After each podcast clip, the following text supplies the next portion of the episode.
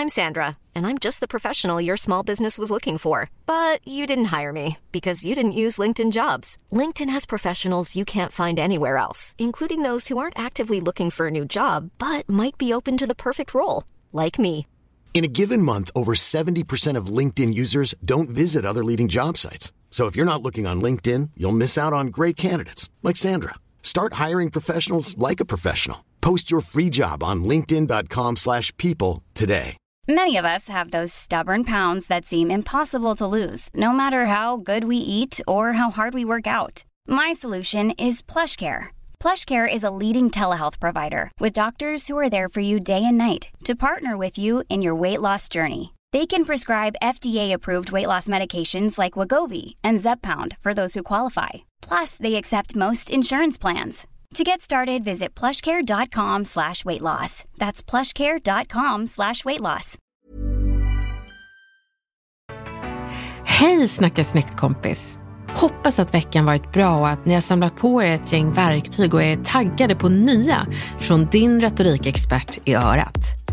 Idag ska vi lära oss hantera kompisar som pratar kroppsnegativt om sig själva och andra. Men också kompisen som pratar dieter precis när du bara vill njuta av den där goa semlan. Och vi ska även en gång för alla få bort komplimangerna som hakar tag i meningen för din ålder. Jag heter Elaine Eksvärd och med mig har jag producent Camilla Samek. Nu snackar vi snyggt. Det här är Snacka snyggt. Veckans fenomen, Elaine. Jag är så nyfiken. Ja, men då ska du få höra, för det här är någonting ganska nytt för mig som får mig att känna mig mindre ny på denna planet. Och det är komplimanger som kopplas till meningen för din ålder. Ja, då känner du dig gammal, menar du? Ja, då känner jag att ja, men där bajsade du på komplimangen och gav den till mig. Det var ju, där hamnade den i papperskorgen. Där sjönk valutan. Där blev det en, ett liksom ras i börsen av hur trevlig du en gång var. Typ en, en ganska fet icke-komplimang. Ja, alltså säg inte du är snygg för din ålder. Säg bara att du är snygg, tycker jag. Men har du fått höra sånt här? Nej, men jag vet inte om jag har fått höra det någon gång. Eh, jag är ju så dålig på att ta komplimanger. De försvinner ju liksom in genom ena örat och ut genom det andra. Så det kan ju vara att jag har hört det. Eller så är jag inte snygg för min ålder. Så kan det ju också vara. Men jag måste också erkänna, eh, bikta mig lite, att jag kan tänka så ibland. Mm. Alltså aldrig säga det. Men det finns någonstans. Vi ser att jag ser någon skitsnygg 75-åring och så tänker jag så här, wow, vad ball hon ser ut för sin ålder.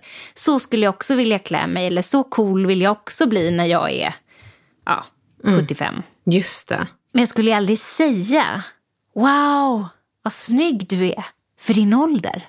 Men vi tänker det kanske. Det är det som är grejen. Och här måste jag bara backa bandet till min förmåga att absorbera komplimanger in i mitt innersta och din förmåga att eh, låta dem rinna av. Jag har alltid sett min förmåga som en styrka, men nu har jag nått över ett streck tydligen där, där jag borde lära mig att låta det rinna av. Men, men, men också det här med att se någon som är snygg. Jag kommer ihåg när jag läste tidningen på ett reportage, en nationell undersökning som gjordes, eh, nu ska jag se här, 2011 var det. Och det var en lista på Sveriges sexigaste män. Och eh, där hamnade diplomaten Jan Eliasson eh, på topp. Det var liksom inga krusiduller. Nu ska man veta, om man ska lägga till ålder, så är han född eh, tidigt 40-tal. 4-0 alltså. Och eh, alla kvinnor vill bara ha honom i Sverige tydligen. Och eh, så var det 2011 och då var väl han sådär 70. Men det sades inte, utan det sades bara att han var Sveriges sexigaste man. Men tänker du inte då, då att eh, nej men han är ju fräsch för sin ålder? Nej, vet du, jag tycker han är så jävla snygg. Jag gör det, jag måste erkänna det. Och jag, jag, jag har fler i min ålder som tycker det och yngre. Det. Är det här något du har diskuterat med dina jämngamla? Att Jan Eliasson är het? Nej, men det var faktiskt, jag skulle föreläsa eh, F, nej, innan honom 2008. Och han var ju, eller är ju verkligen en diplomat av rang. Och uh, han var så här, uh, det var min första föreläsning. Och det var, det var, nu ska jag säga, cirkus i Stockholm. Och det var väl ett tusental tror jag. Jag tror det är max de kan ta in i publiken. Jag hade aldrig haft en så stor publik förut. Det var ju inte jag som var dragplåstret utan jag var den okända som fick vara med. Och så kliver jag in i... här, är det här den föreläsningen där Göran Persson också pratar? Nej, utan det är efter. Så du har rätt, det här är en, två, tre föreläsningar efter. Jag har faktiskt förträngt Göran Persson-föreläsningen för det är mitt livs sämsta och första föreläsning. Så jag tycker det är mycket roligare att berätta att det var cirkus eh, och det gick bra. Men tack för påminnelsen. Varsågod. så lite. eh, men hur som helst var det 2008. Gustav satt i publiken. Vi hade precis träffats. Jag eh, gick backstage där alla föreläsare var och så var liksom huvudnumret Jan Eliasson som jag eh, liksom visste vem han var, men jag visste inte så mycket mer. Att han var väl någon sån här överklass, någonting, någonting. Och eh, så går han fram till mig och bara, Elaine Bergqvist, och det var så jag hette då. Vi var inte gifta, jag och Gustav. Tar min hand, ser mig i ögonen och säger, du ska ju föreläsa innan mig, så, så himla roligt. Skulle du inte kunna liksom slänga några snälla ord om att jag, att jag kommer sen och det blir kul. Skulle du kunna bjussa på den? Och jag var så här, vill han att jag ska boosta honom? Jag blev ju så glad. Han var så otroligt eh, trevlig. Och så var det faktiskt min, jag vet att jag får berätta det här, min svägerska som sa, ska du föreläsa där Jan Eliasson, han är ju snyggast i världen. Och jag sa, va? Hur, va? Är inte han jättegammal? Tänkte jag, men jag sa inte det. Men eh, Ja, men jag tycker han är ganska het. Och det är inte för sin ålder, utan punkt. Han, han pressar 80 nu tror jag. Ja, om jag googlar lite snabbt här så fyllde han ju 81 för några dagar sedan, om jag inte har räknat fel. Nämen! Grattis i efterskott, Mr Diplomat Jan Eliasson. Det är nästan så att man borde... Happy birthday to you Happy birthday to you Happy birthday, Mr Diplomat. Happy birthday to you.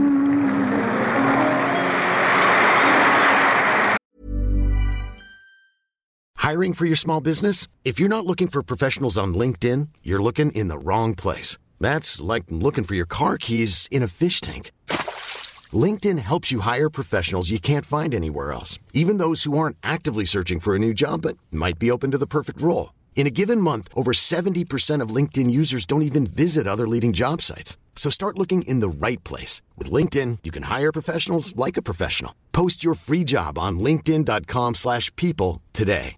Many of us have those stubborn pounds that seem impossible to lose, no matter how good we eat or how hard we work out. My solution is PlushCare. PlushCare is a leading telehealth provider with doctors who are there for you day and night to partner with you in your weight loss journey. They can prescribe FDA-approved weight loss medications like Wagovi and Zeppound for those who qualify.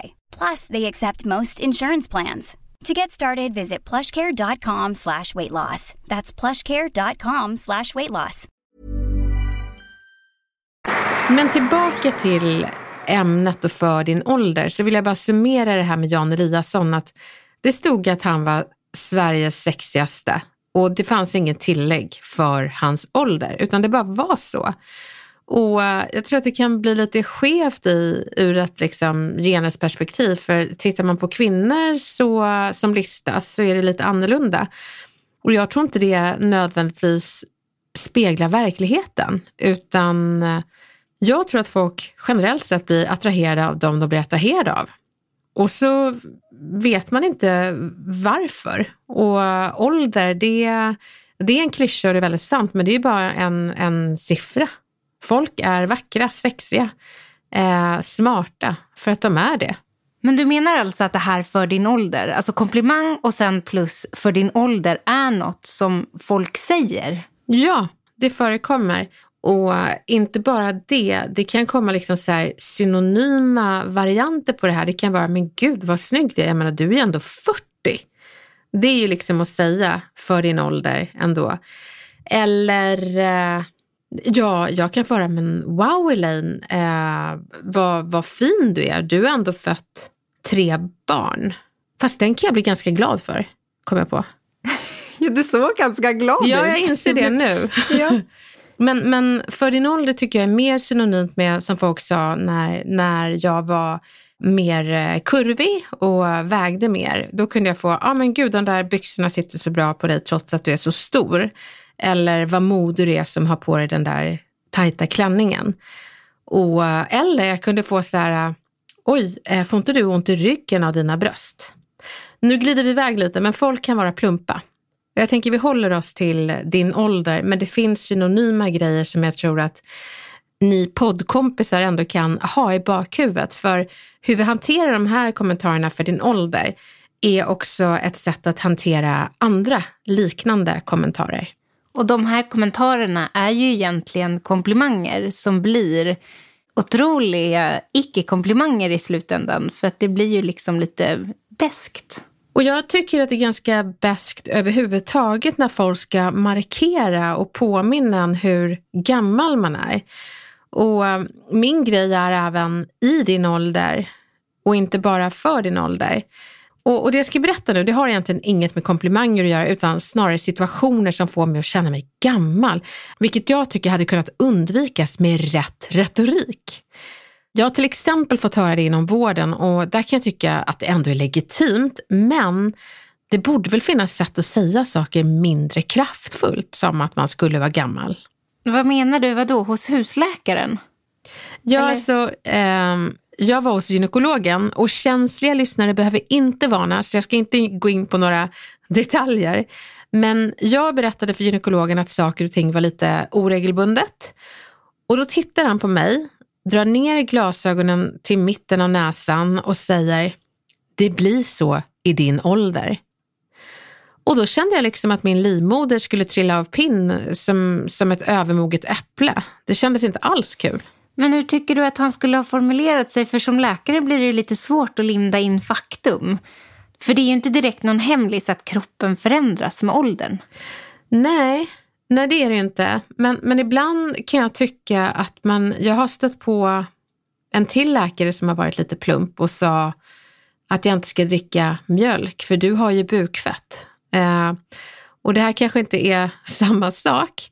Det kanske är faktum, men du behöver inte rub it in my face. Så känner jag.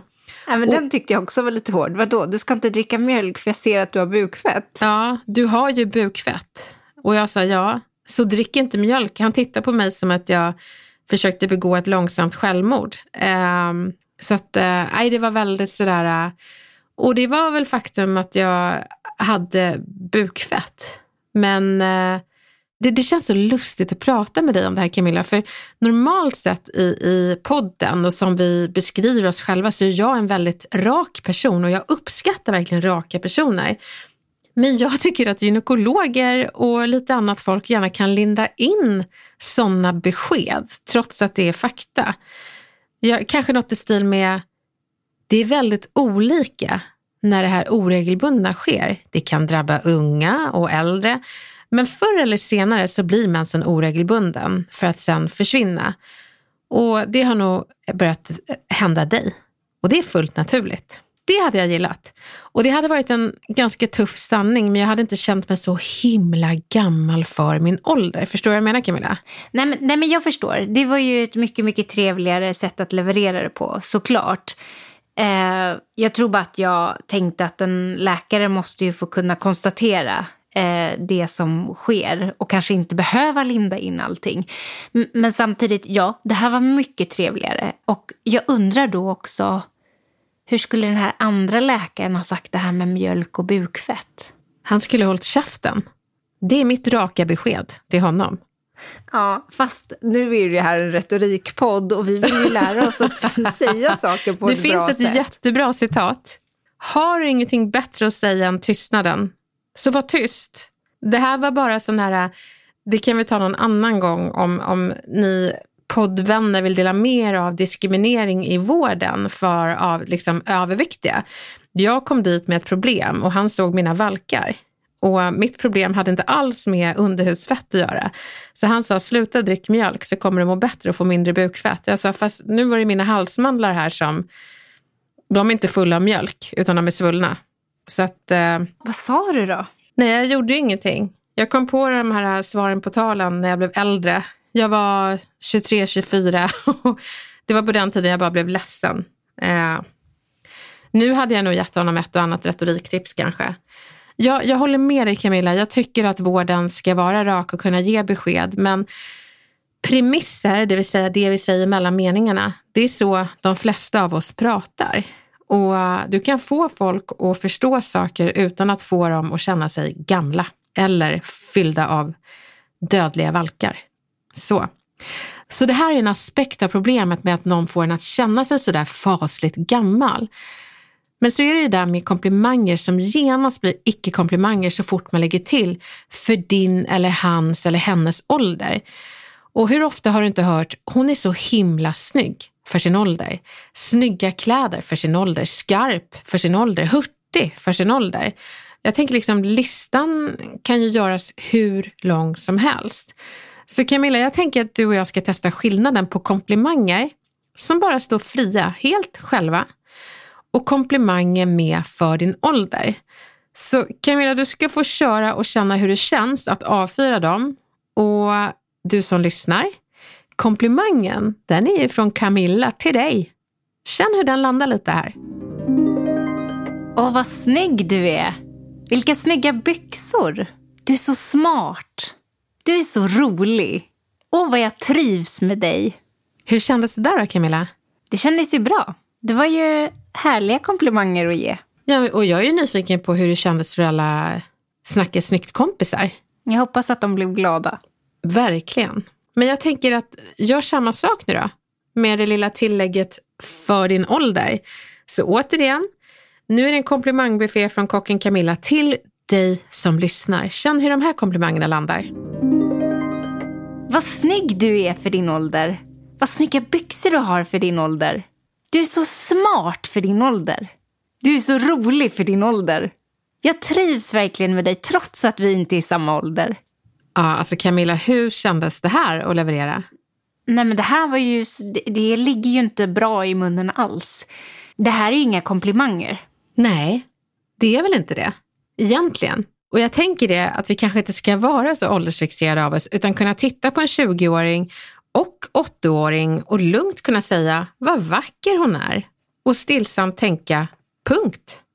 För att säga för sin ålder, det är att tänka att skönhet, intelligens, trivsamt sällskap skulle ha ett bäst före eller bäst efter-datum.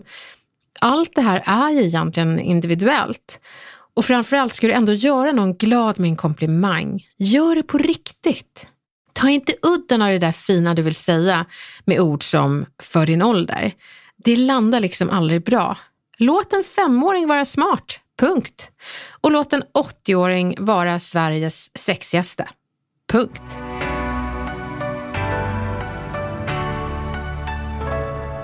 Vi går vidare till veckans kommunikationsknut. Ja, och det här är så himla spännande. Det här är så långt ifrån min comfort zone.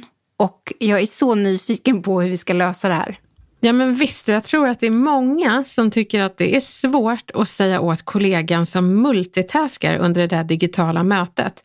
Särskilt när man själv har ordet. Du vet när man får känna sig så otroligt oviktig. Ja, och vad säger man? Eller säger man någonting överhuvudtaget? Ja, det är frågan. Och nu är ju de flesta av oss tillbaka till jobben som i många fall har blivit en hybrid av en digital och IRL-plats. Alla har vi någon gång ordet under ett möte och det är inte lätt att hålla uppmärksamheten när skärmtrötta kollegor uppenbarligen gör annat under tiden någon annan kör ett powerpoint-maraton på 100 slides. Och inte bara det, med en monoton röst.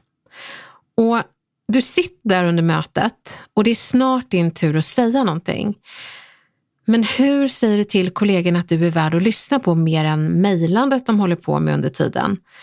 Så att hålla ett digitalt möte är något som många gärna undviker för att förutsättningarna de är ungefär lika usla som att dansa bugg i hockeyställ. Men det går. Och du kan hinta din multitaskande kollega att hen ska sluta multitaska och du kan göra det på ett snyggt och bekvämt sätt. Camilla, har du märkt att någon har multitaskat under ett digitalt möte? Jo, men det har jag gjort. Och jag kan ju ärligt erkänna att det har jag ju själv eh, gjort också. Men du vet, ibland blir mötet lite tråkigt och man märker att ah, men nu kanske inte jag behöver lyssna fullt ut och så svarar man på det där mejlet i farten och sen så återgår man till att lyssna lite mer koncentrerat. Inte jättesnyggt gjort ju, men, men eh, det har absolut hänt. Men vet du Camilla, det är faktiskt en av de vanligaste skälen till att folk multitaskar, att de inte förstår sin relevans i mötet. Att eh, man bjuder in allt och alla. Så att det är, jag tror väldigt många känner med dig där. Och hade jag suttit som väldigt många gör nu i tre timmars långa möten, då hade jag också multitaskat. Eh, om jag inte förstår min relevans där. Men hur gör du då för att varken bli arg eller sur när andra multitaskar? Jo, det finns några meningar och knep som du kan använda utan att bli konfrontativ eller peka ut någon. Men är det någon som glatt svarar i telefon mitt i din dragning, lämnar kontorstolen och försvinner ur bild, så finns det skäl att förebygga mot sådana som saknar lite vett och digitalmötesetikett. Så hanterar du multitaskande kollegor på digitala mötet. Sätt mötesreglerna. När ditt segment börjar, så säg hur lång tid du kommer prata och även när de kommer få en paus för att multitaska, ta en kaffe, slänga iväg mejl. Men lägg också till att för att ni ska få ut det mesta mötet vore det jättebra om allas fokus är med tills pausen. Ursäkta dem. Säg meningen jag förstår att ni har tusen saker att göra, men ni kommer ha chans att göra dem, i alla fall hälften av dem, om 20 minuter. Jag behöver ert fokus, er input, tankar och kanske lite kritik under den här punkten av mötet. Så har jag med alla. Sen kan du faktiskt mjukt konfrontera de som inte verkar vara med. Men gör inte anklagande utan mer behövande. Typ, Peter, är du med? Jag behöver din hjärna i det här. Låt snäll. Ge dem en chans att lämna. Är det uppenbart att folk nitiskt multitaskar så tycker jag att du ska säga jag har full förståelse för er som måste göra annat. Jag tänker inte tvinga er till multitasking här. Så behöver ni lämna mötet så, så gör det, jag förstår. Skicka privat DM. Skriv vänligt. Peter, är du med eller har du mycket att göra? Känn dig inte tvingad att stanna kvar om du har annat. Prata med chefen. Säg att du har märkt att mötena hade kunnat halveras om ni bara hade haft en manual där riktlinjer för digitala möten hade kunnat följas. Be om en sån till alla på kontoret. För egentligen är det inte du som kollega som ska säga till, utan chefen. Och hur säger du till personen som liksom reste sig upp och försvann ur bild? Nej, men då ska man göra som man hade gjort IRL. Att när den här personen kommer tillbaka så ler man glatt och säger Peter, du är tillbaka, kul! Du, jag ska bara berätta vad jag gick igenom när du svarade i telefon och det var det här. Och säg det inte passivt aggressivt, utan säg det bara så. För då markerar du vänligt men bestämt och alla som har en tanke på att svara i telefon när du har ett möte kommer förstå att ja, men då kommer du göra en recap inför alla andra och det vill man ju inte vara med om. Recap, skräm dem. Och vad säger man om man sitter på andra sidan och mötena är alldeles för långa och tråkiga och vi är alldeles för många inblandade och man liksom förstår inte varför man är kallad till det här mötet? Jag eh, skulle nog faktiskt fråga. Jag sitter här som revisor. Nu, nu hör jag att ni börjar gå in på eh, visionsgrejer, så jag vill bara kort fråga. Jag, jag har väldigt mycket att göra, men är det relevant att jag är med under det här segmentet? Så att man förklarar sin roll, eh, sin titel eh, och uppmärksammar alla på vad, vad man hör att mötets riktning börjar gå. Och sen så frågar man, är det relevant om jag är här? Det tycker jag är viktigt. Och sen alla som håller möten, bjud inte för många människor utan varenda en ska förstå, ah, det här är skälet till att jag är här. Och om mötet går in på alla möjliga saker, då tycker jag att eh, man kan säga, vet ni, alla ni eh, kan lämna nu, för nu går vi in på en annan punkt. Och det ska man göra utan att få folk att känna sig uteslutna. Utan man ska förstå att det här handlar inte om att jag inte får vara med, utan att möteshållaren tycker att min tid är värdefull och vill inte stjäla den. Det ska vara supertydligt. För ibland, Camilla, så finns det de som kör härskartekniker under digitala möten. Förklara inte varför andra ska gå, utan man säger bara, ah, nu är mötet slut. Och innan alla har lämnat så säger man typ så här, eh, Johan, eh, Anna och eh, Jesper, kan ni stanna kvar? Det är några saker jag vill gå igenom med er. Och då börjar alla andra undra, varför får inte vi vara med? Så får man inte göra, utan man ska vara tydlig med varför de här tre individerna ska vara kvar och varför de andra eh, är fria att gå. Så. Man skulle ju också kunna bli orolig för de här tre. Oj. Vad ska de prata om nu? Vad har hänt? Vad ska de prata om nu? Precis. En form av uteslutningsmetoden. Den gillar vi inte. Nej. Men så bra. Vilka bra tips, Elaine. Ja, vad härligt. Det här känns ju mycket tydligare nu. Vad fan säger man? Ah. Och här är det ju klurigt alltså. Vi har ju en, en pott med lappar med frågor från våra lyssnare som vi drar. Mm. Med kluriga, ja vad fan säger man? Ja, när man blir lite så här paff och bara, jag vet inte fan vad jag ska säga. Och det finns så många sådana situationer och de sätter vi gärna tänderna i. Så då dra, ska du eller jag dra en lapp? Nej men dra du. Här. Oj, här kom någonting intressant Camilla. Det var en, en redig lapp. Vad säger man till en kompis som kommenterar folks kroppar på ett negativt sätt och som även pratar illa om sin egen kropp? Någon som typ inte ens ska slå på tvn utan att kommentera hur folk ser ut. Typ, gud vad tjock han har blivit när ni ska kika på Allsång på Skansen eller Liseberg. Och så kan det bli så att kompisen pratar negativt om sin egen kropp och så blir man ofrivillig motpol och ska säga nej då, du är så fin. Bara för att sekunden efter så grabbar kompisen tag i sin egen valk för att protestera. Det kan vara ganska dränerande att ha en person som ständigt har med sig ett negativt kroppsfilter som hen skannar världen genom, men också sig själv. Så min fråga är, vad fan säger man till en sån person och gör man det? Camilla, vad tycker du? Nej, men det här är himla svårt. Eh, jag tänker att om det är en väldigt nära vän så tror jag att det skulle vara lättare eh, att prata med henne eller honom. Men så här, jag är ju själv ganska bra på att säga taskiga saker till och om mig själv. Och det har vi ju pratat om i tidigare poddavsnitt. Och att det är någonting jag aktivt jobbar med, att börja tänka mer snällt om mig själv. Det är liksom så djupt rotat det där. Men en nära vän skulle jag nog kunna prata med på ett bra sätt tror jag. Om det här är liksom mer en, en bekant som man stöter på eller träffar då och då, då hade jag nog tyckt att det var mycket svårare. Ja, jag håller med dig. Alltså det är, ju, det är ju jättesvårt att säga till någon, men jag tänker så här, är det, är det så att man brottas med negativa kroppstankar om sig själv och andra och det är någonting man jobbar med, då kanske man faktiskt kan be folk i sin omgivning att, att inte prata så.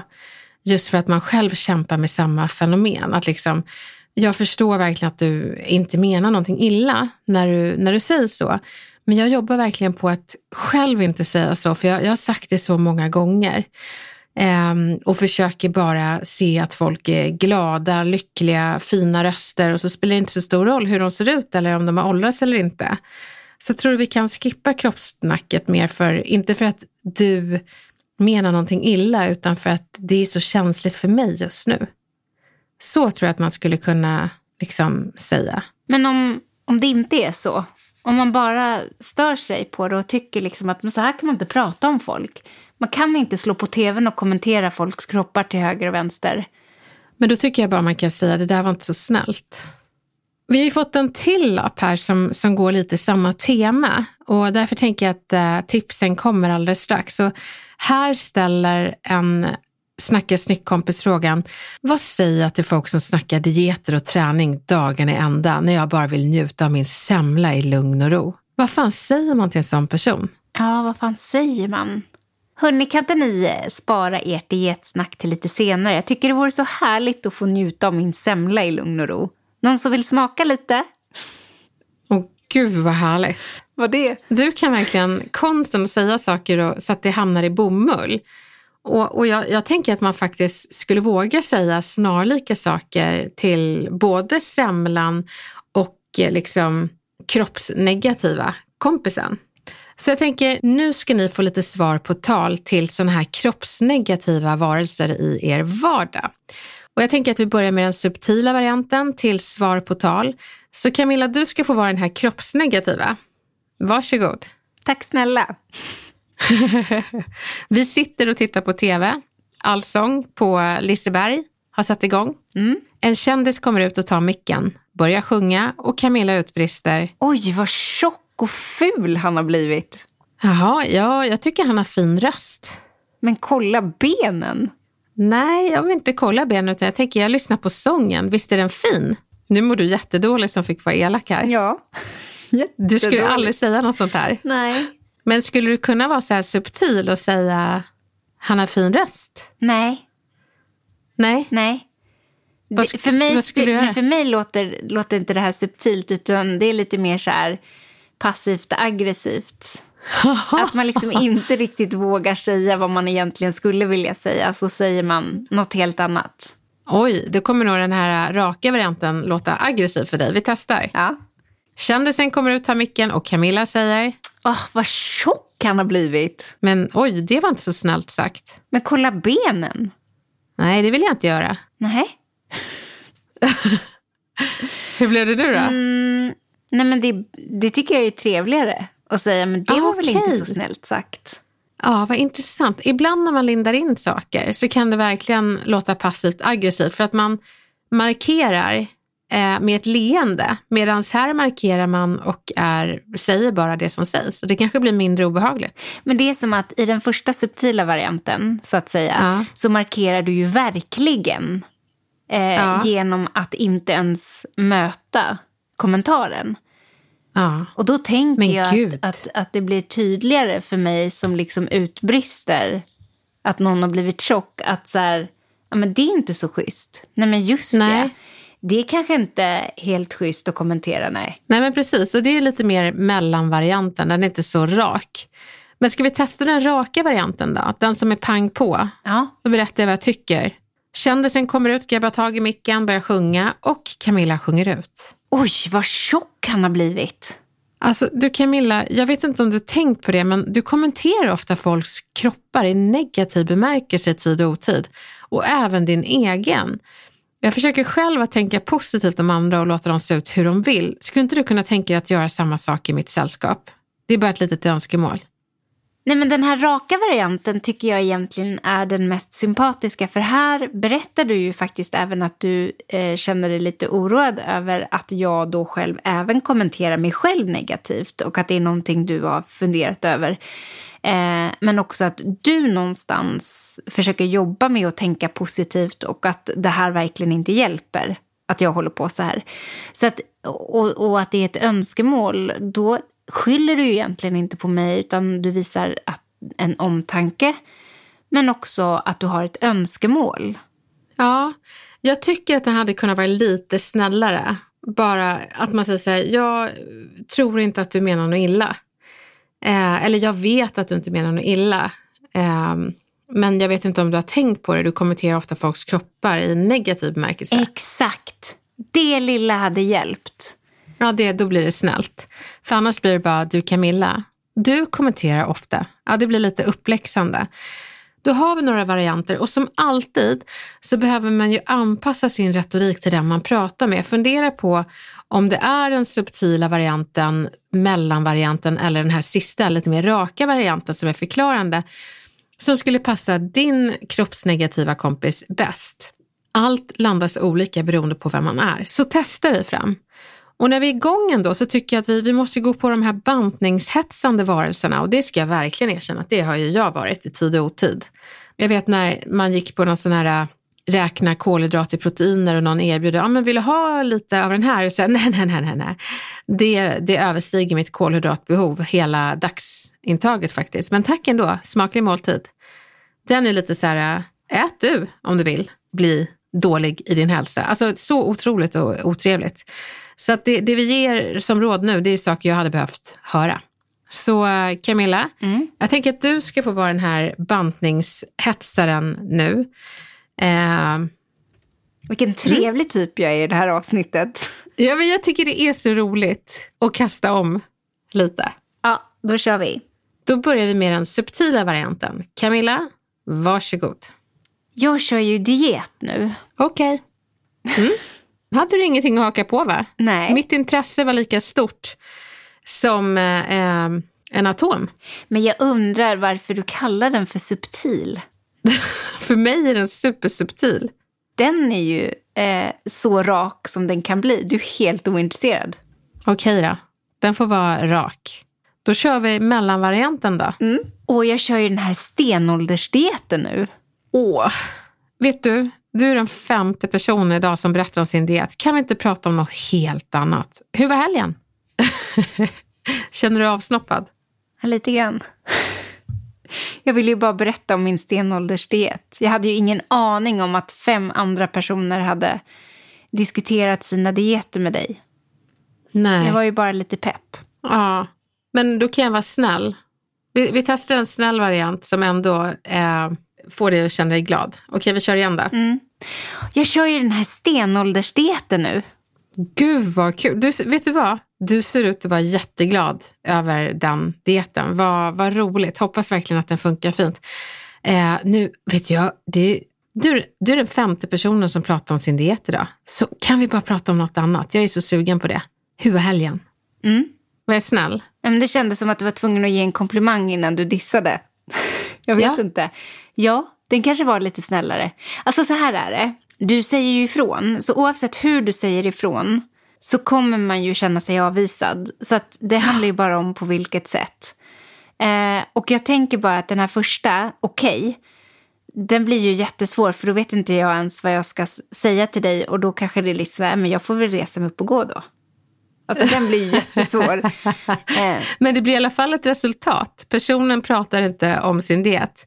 Och är det så att man tycker att personen kan gå, då kanske man kan använda okej. Okay. Men nu ska vi vara snälla i den här podden, så att eh, var lite... Jag, jag, jag, tycker bara, ibland när jag har pratat dieter och någon har avbrutit mig, då har det mer varit så här, eh, vad kul, det, det, ser ut som att du är jätteglad över det. Vet du, jag är i en period just nu där jag försöker tänka på allt annat än diet, för det var någonting som konsumerade min tankeverksamhet väldigt mycket. Och nu försöker jag eh, avskärma mig från det. Så kan vi prata om något annat tror du? Den är ju bra. Ja, och då känner man så här, jaha, det är du, det är inte jag. Då går du till nästa person och pratar om din diet. Ja, men precis. Det kommer ju alltid finnas personer som tycker om att prata om sina dieter. Det kan ju vara en tröst. Du kommer alltid hitta en dietkompis. Precis. Men när du inte vill lyssna på någon annan persons diet, då, då har du lite alternativ här. Precis. Så man behöver inte få folk att känna sig dåliga för att de är på en diet. Man kan bara visa ett önskemål och förklara varför utan att skamma. Och det är jag säker på att ni kommer göra jättesnyggt. Så jag tänker att ibland får man låta folk hållas. Men märker man att deras kroppsnegativa kommentarer har smittat dig eller att du börjar gå i alldeles för mycket bantningstankar, då tycker jag att man har rätt att sätta sin gräns, men att man gör det lite snyggt. Så snacka snyggt kompisar. Nu hoppas jag att ni känner er säkra på hur ni sätter gränser vid multitaskande kollegor eller kroppsnegativa varelser som vädrar lite mer än vi vill höra. Känner du igen de här varelserna från din vardag? Har du andra sätt att hantera dem? Dela jättegärna med dig av dina erfarenheter och tips och tricks på vår Instagram som heter Snacka snyggt. Desto fler tips vi kan bjussa på tillsammans, desto fler kommunikationsknutar att få upp ihop. Ha nu en underbar vecka så hörs vi nästa gång. Och gud Camilla vad roligt det har varit. Jätteroligt. Alltså så här, jag lär mig så mycket varje vecka. Ja men gud, jag med. Jag lär mig hur jag ska bli snällare. Och jag rakare. Perfekt. Hörni, vi hörs. Hej då.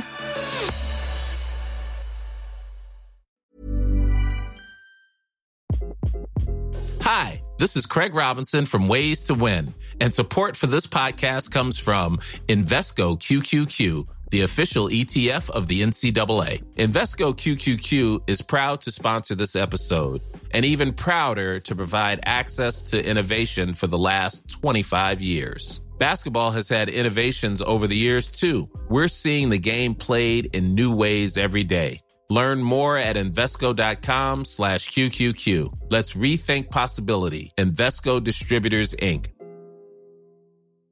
Hi, I'm Daniel, founder of Pretty Litter. Did you know cats tend to hide symptoms of sickness and pain? I learned this the hard way after losing my cat, Gingy. So I created Pretty Litter, a health monitoring litter that helps detect early signs of illness by changing colors, saving you money and potentially your cat's life. Pretty Litter is veterinarian developed, and it's the easiest way to keep tabs on your fur baby's health right at home. Go to prettylitter.com and use code ACAST for 20% off your first order and a free cat toy. Terms and conditions apply. See site for details.